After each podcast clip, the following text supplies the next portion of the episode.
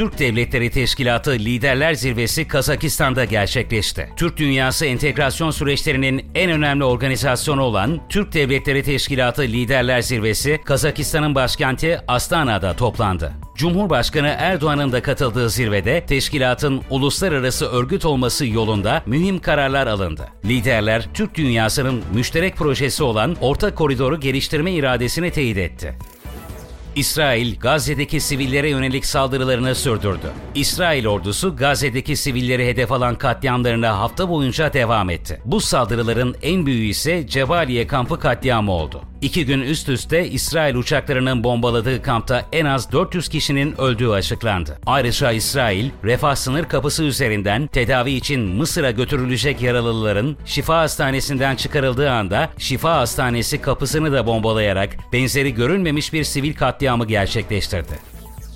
Husiler İsrail'e savaş açtı. Yemen merkezli Husi Ensarullah hareketinden yapılan açıklamada İsrail'in Gazze'deki saldırılarına yanıt olarak Husilerin de İsrail'e füze ve drone kullanarak saldırdığını açıklarken Husiler İsrail'e savaş açtığını duyurdu. Hizbullah, İsrail'le savaşacağını duyurdu. Hizbullah lideri Hasan Nasrallah, Cuma günü yaptığı açıklamalarla Hizbullah'ın İsrail'e karşı savaşmayı sürdüreceğini duyurdu. Nasrallah, Arap ve İslam dünyası ülkelerini İsrail'e petrol ambargosu uygulamaya çağırırken, savaşın sorumlusunun Amerika Birleşik Devletleri olduğunu belirtti. Amerikan Dışişleri Bakanı Antony Blinken son bir ayda üçüncü kez İsrail'i ziyaret etti. Amerika Birleşik Devletleri Dışişleri Bakanı Antony Blinken, Amerikan Senatosu'nun İsrail'e yapılacak 14,5 milyar dolarlık yardımı onaylaması sonrası İsrail'i ziyaret ederek İsrail Başbakanı Benjamin Netanyahu ile son bir ay içerisinde üçüncü kez görüştü. Blinken, Amerika'nın ateşkese karşı olduğunu açıklarken İsrail'e olan desteklerinin süreceğini duyurdu.